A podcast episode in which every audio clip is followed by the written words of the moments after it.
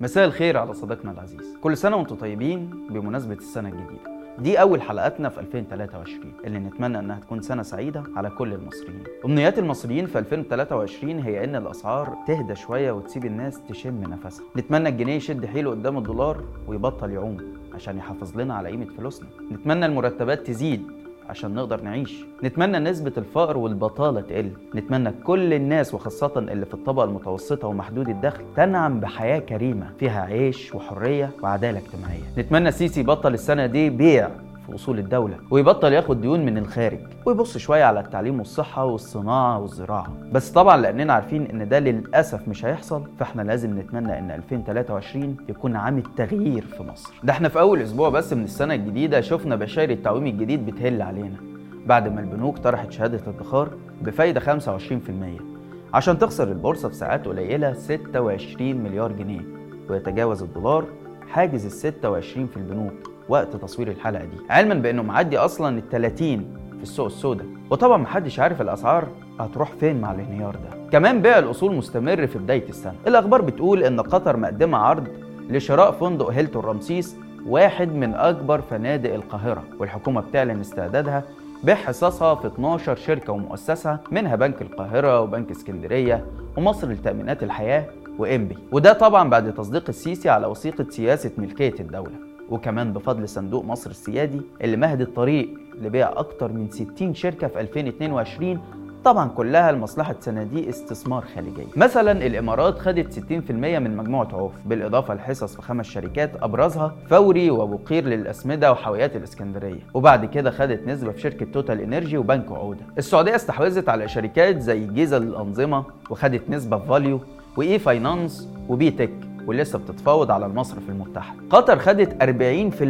من منطقة استكشاف شمال مراقيا البحرية ونسبة من شركة جهينة اللي كلنا عارفين قصة مؤسسها صفوان ثابت واللي مسجون هو وابنه بسبب رفضهم التنازل عنها لشركات محسوبة على الجيش. كمان قطر بتتفاوض على حصة في شركة فودافون مصر وأودعت 3 مليار دولار في البنك المركزي المصري هتاخد في مقابلهم حصص في شركات مملوكة للحكومة. السيسي كمان دخل علينا السنة الجديدة بواحدة من أفكاره العبقرية جدا وهي صندوق الزواج. تحت شعار اللي يتجوز يدفع. بعد ما جمعنا مليارات الجنيهات من قانون التصالح وفرضنا ضرائب على كل حاجة تقريبا من راديو العربية لعمال الدليفري جت دور على العرسان.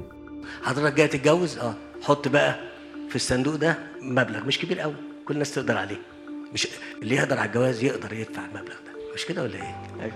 يعني بتعملوا فرح مش عارف عامل إزاي وتقعدوا تتخانقوا على الشبكة وعلى الفرش فتيجي بقى الموضوع ده. لا لا ده كتير. لا مش كتير. يعني بدل ما نشجع على تيسير الزواج خاصة في ظل الارتفاع الرهيب في أسعار الذهب ده غير التجهيزات والذي منه رايحين نفرض ضريبة جديدة ونعقد إجراءات الزواج أكتر. لو أحسننا الظن فالهدف من ده هو جمع الأموال. على طريقة طالما بتدفعوا فلوس قد كده مصريين عشان تتجوزوا ولادكم هاتوا لي بقى 500 جنيه على أي جوازة. وجمعوا لي الفلوس دي في صندوق خاص يكون تحت إشرافي أنا بس. أما بقى لو أسأنا الظن شوية فدي محاولة لتقليل الإقبال على الزواج أصلا. يمكن بهدف خفض المواليد ومعدل الزيادة السكانية ويمكن تاني بهدف إعادة هندسة المجتمع على دماغ السيسي. لأن الصندوق ده جزء من قانون الأحوال الشخصية اللي برضه شهد إلغاء الطلاق الشفهي رغم اعتراض الأزهر. كل ده الحقيقة يخلينا نتمنى إن 2023 يكون عام التغيير في مصر لأن إدارة البلد بالطريقة دي لا يمكن تحقق أي نتيجة مختلفة عن الوضع اللي مصر بتعيشه من 2014 ولحد دلوقتي. إيه بقى السر ورا حب السيسي للصناديق الخاصة؟ ويا ترى أفكاره الاقتصادية وصلت البلد لفين؟ ده اللي هنحاول نعرفه معاكم في حلقة النهارده. أنا عبد الرحمن عمر وده برنامج الحكاية.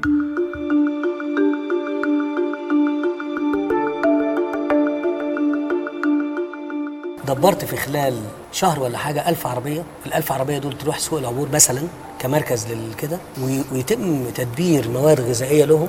أنا بقول لك هعمل لك شبكة طرق في خلال سنة تمسك مصر كده. أنا بقول أنا بقول. ده عايز الأول الأول أغني الناس أغنيهم إنك أنت تاخد مش هقدر. آه. مش مش عايز.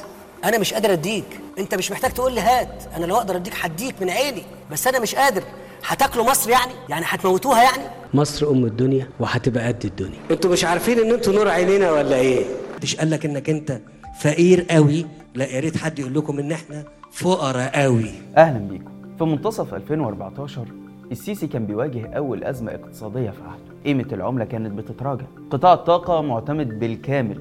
على الواردات البترولية من دول الخليج اللي كانت بتدعم السيسي بقوة في الوقت ده. المستثمرين بيهربوا من البلد بسبب الظروف الأمنية. السياحة بتشهد تراجع تاريخي لنفس السبب. البلد بتمر بأزمة سياسية متصاعدة. نظرة السيسي للاقتصاد في الوقت ده كانت كاشفة عن عقليته وعن كل سياساته المستقبلية. من أول لما اتكلم عن تشجيع الشباب إنهم يسرحوا بعربيات خضار في سوق العبور لغاية كلامه في أحد اللقاءات مع الإعلاميين عن شبكة الطرق اللي هيعملها في خلال سنة تمسك مصر كده. مرورا بقى بكلامه المتناقض بين أنا لازم أغني الناس قبل ما أرفع الدعم وبكرة تشوفوا مصر يا مصريين أم الدنيا وهتبقى قد الدنيا وبين هتاكلوا مصر يعني ولا إيه؟ أجيب لكم منين؟ إيه؟ محدش قالك إن إحنا فقراء قوي لا يا ريت بقى حد يقولك إن إحنا فقراء قوي السيسي من أول لحظة اعتمد على الرز الخليجي في تمويل مشاريعه العملاقة بغض النظر بقى عن الجدوى الاقتصادية وتأثيرها على القرار السيادي فيما بعد بس فلوس الخليج دي ما كانتش كافية عشان يعمل قناة سويس جديدة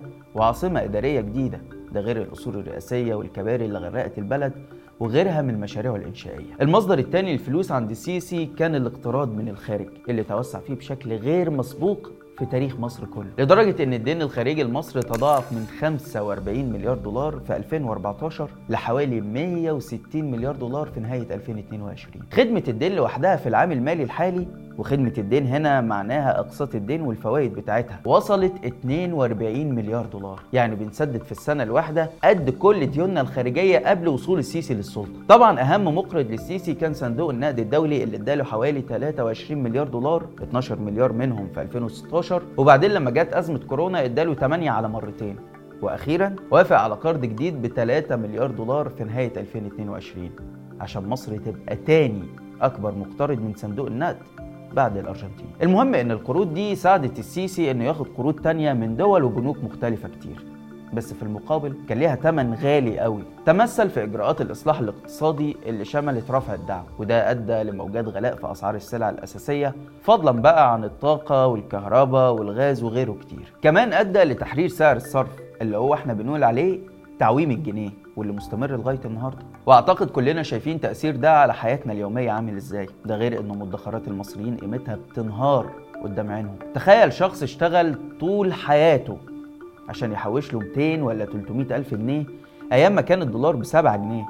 يجي دلوقتي يلاقي قيمتهم ما تجيبش 20 ولا 30 ألف جنيه ده بالكتير قوي كمان. كل ده بقى كوم وتقليب جيوب المصريين ده كوم تاني خالص. ممكن نقول إن ده بدأ مع صندوق تحيا مصر منتصف 2014 واللي السيسي استهدف منه طبقة رجال الأعمال بالأخص. كان في حاجات تانية استهدف بيها باقي الشعب برضه زي شهادات قناة السويس اللي جمع من خلالها 64 مليار جنيه وعلى ما الناس رجعت بعد خمس سنين يستردوا فلوسهم بالفايدة بتاعتها. كان حصل التعويم الأول وفقد الجنيه أكتر من 50% من قيمته. يعني لو أنت خدت شهادة ب 100 جنيه مثلا ورجعت الحكومة بعد خمس سنين رجعت لك 115 جنيه لأن الفايدة كانت 15.5% فكده الحكومة كأنها خدت منك 100 جنيه سنة 2014 ورجعت لك حوالي 55 جنيه سنة 2019 نرجع بقى لرجال الأعمال اللي السيسي عمل لهم صندوق تحيا مصر وهو صندوق ذو طبيعة خاصة له شخصية اعتبارية ويتمتع بالاستقلال المالي والإداري ويتمتع بصفة خاصة برعاية رئيس الجمهورية وعنايته.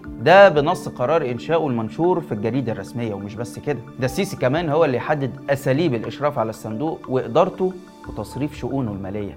دون التقيد بالنظم الحكومية المنصوص عليها في أي قانون. يعني بالعربي كده ده صندوق بتاع السيسي. ولا حد بيشرف عليه غيره ولا حد بيراقبه غيره. وكمان يقدر يعمل بفلوسه أي حاجة هو عايزها دون التقيد بأي قانون. طيب عملنا الصندوق والسيسي قال لك أنا هتبرع بنص مرتبي وفي رواية أخرى بنص ثروتي. علما بأن السيسي رفض الإفصاح عن ثروته أصلا لما اتسأل عن الذمة المالية قبل انتخابات 2014 بس المهم هنجيب فلوس للصندوق منين؟ الموضوع اتحول لفكرة تبادل مصالح بين السيسي ورجال الأعمال.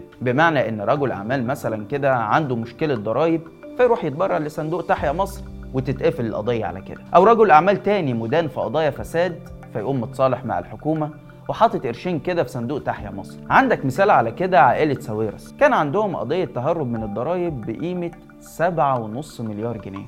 راحوا متبرعين للصندوق ب 3 مليار جنيه واعتبروا كده إن ده مقابل التصالح. محمد الأمين اللي أدين بعد كده في قضية أخلاقية وتوفى في 2022 اتبرع بأكتر من مليار جنيه. حسن راتب اللي أدين في قضية تهريب آثار اتبرع ب 100 مليون جنيه. صلاح دياب اللي دخل مع الحكومة في مشاكل بسبب صحيفة المصري اليوم اتبرع ب 6.5 مليون جنيه. ده كله غير إن الجيش نفسه اتبرع هو كمان بمليار جنيه. وطبعا موضوع اقتصاد الجيش ده كان واحد من دعائم حكم السيسي. أكيد. اللي قام على توريط أكبر عدد من قادة الجيش في أنشطة اقتصادية يشبه الفساد لأنها لا تتمتع بأي رقابة ولا أي محاسبة. والموضوع ده حول الجيش لشركة ضخمة داخلة في كل حاجة وكل المجالات اللي ممكن تتخيلها. وكان سبب رئيسي في انهيار الاقتصاد لأن مين مستثمر؟ بصراحة يعني هيقدر ينافس الجيش. المنافسة غير عادلة طبعا. وبالتالي المستثمرين ورجال الأعمال زي ما شفنا إما هيخرجوا من السوق أو هياخدوا إجراءات تأمنهم بس في نفس الوقت تضر الاقتصاد. شفنا مثلا بنات فريد خميس بتوع شركة النساجون الشرقيون اللي أسسوا شركة في بريطانيا وباعوا حصتهم ليها عشان يقدروا يخرجوا فلوسهم بره البلد في أي لحظة. بس برضه على الرغم من كل ده ما قدرش السيسي إنه يجمع ال 100 مليار جنيه اللي كان عايزهم من الصندوق. علما بأن محدش يعرف هو جمع كام ولا صرف الفلوس اللي جمعها في إيه لأن الصندوق تحت إشرافه هو بس. أنتوا سددت أنتوا دفعتوا حاجة من الحساب لا كل الموظفين. مرتبنا بيروح كله يا ريس اللي هتحوشي هتجيبيه آه. قال لي يا بركه الا انت وهتدفعوا هتدفعوا بقول اهو هتدفع يعني هتدفع. خلي بالك انت عارف يعني إيه صندوق؟ أنا اشرف عليه. يعني ان خدت جنيه مني يبقى لك الكلام. أنا عايز أقول لكم ان لغاية دلوقتي ال 100 مليار ما تجوش يعني. يعني ال 100 مليار اللي إحنا كنا بنحلم بيهم ما جوش لغاية دلوقتي. وعشان كده بقول لدكتور مصطفى أنتوا لازم تشوفوا آه، وسيلة أخرى تضيف للصندوق أكتر من كده. السيسي كمان أسس سنة 2018 صندوق مصر السيادي بحجة تشجيع الاستثمار في مصر. وده بقى دوره غريب شويتين كده لأن ببساطة الدول اللي عندها صناديق استثمار بتلعب دور عكسي تماما. يعني أغلب استثماراتها بتكون خارج بلدها بينما الصندوق المصري بقى كل دوره هو إن الأصول الحكومية والمباني التاريخية زي مجمع التحرير مثلا أو مبنى الحزب الوطني أو مباني الوزارات اللي هيتم نقلها للعاصمة الجديدة. كل الأصول والمباني دي بيتم منحها للصندوق عشان يسوقها ويبيعها لأي مستثمر أو صندوق خليجي. وفي نهاية 2022 فاجئنا السيسي بصندوق جديد وهو صندوق قناة السويس. اللي أثار جدل كبير واتكلمنا عنه بالتفصيل في الحلقة اللي قبل اللي فاتت. وملخص الموضوع كده على السريع إن السيسي راح لرئيس القناة وقال له ما معكش أي فلوس كده شايلها على جنب. فالفريق أسامة قال له مش معايا لأن إيرادات القناة بتروح مباشرة كده على خزينة الدولة. السيسي قال له لأ القناة دي مصدر دخل كويس إحنا نعمل لها صندوق وناخد شوية كده من إيراداتها على جنب نحطهم في أي استثمار. طبعا ناس كتير حذرت من الفكرة دي لعدة أسباب. أهمها إن ده بيفتح الباب لبيع أو تأجير أصول قناة السويس وده خطر على الأمن القومي. كمان فكرة الصناديق زي ما وضحنا معناها إن الفلوس دي خارج ميزانية الدولة. ومفيش حد بيراقبها غير السيسي نفسه. كنا من كام يوم كده بنتكلم على الصناديق وكلام من هذا القبيل واسمحوا لي إن أنا بطلب من دعم ال- الهيئات اللي أنا هقول اسماء هديه أو الصناديق اللي أنا بقول اسماء هديه هيئة قناة السويس الصندوق بتاعها يطلع 100 مليون. صندوق الش- ال- الشهداء والمصابين يطلع 100 مليون. الصندوق بتاع الرعاية الصحية أو التأمين الصحي يطلع 100 مليون. صندوق الإسكان يا دكتور مصطفى يطلع 200 مليون يطلع 200 مليون. والفريق محمد الصندوق بتاعكم يطلع 500 مليون. إدارة البلد بطريقة الصناديق دي غلط جدا وكل الخبراء والمتخصصين بيحذروا منها. وعمرك ما هتشوف بلد بتدير اقتصادها بالشكل ده. عمرك ما هتشوف رئيس يقول إن دراسات الجدوى بتعطل الشغل. ويطلع بعدها يعترف إن مشروع زي مدينة الأساس في دمياط كلف البلد شيء وشويات بسبب إنه ما تمش دراسته بشكل صحيح. ولا عمرك هتشوف رئيس قاعد يفاصل مع المقاولين في مليارات الجنيهات على الهوا مباشرة قدام كل الناس. ولا عمرك هتشوف رئيس بياخد فلوس التأمينات الاجتماعية والمعاشات يشغلها وتخسر كمان معاه. ولا عمرك هتشوف رئيس بيسأل عمال الدليفري بتقبضوا كام وبعدها يروح يفرض ضريبة عليهم. ولا هتشوف عموما يعني أي حد بيفرض ضرايب زي ما السيسي بيعمل مع المصريين. في النهاية كلنا بقينا عارفين إن صندوق واحد بس هو اللي كفيل. يفرح المصريين وإن شخص واحد بس هو اللي المفروض يتم تقييد حد السحب بتاعه من العملات الأجنبية لأنه مغرق البلد معاه في أزمات ديون وبيع أصول وغلاء أسعار ومصعب العيش على الناس. بس كده لحد هنا والحلقة خلصت. لو الحلقة عجبتك اعمل like و share واشترك في القناة على اليوتيوب عشان يوصلك كل جديد. وما تنساش إنك تقدر تسمع البرنامج بتاعنا بودكاست الروابط اللي هتلاقيها في التعليقات. واستنانا كل جمعة الساعة 8 بالليل بتوقيت القاهرة في حلقة جديدة من برنامج إيه الحكاية؟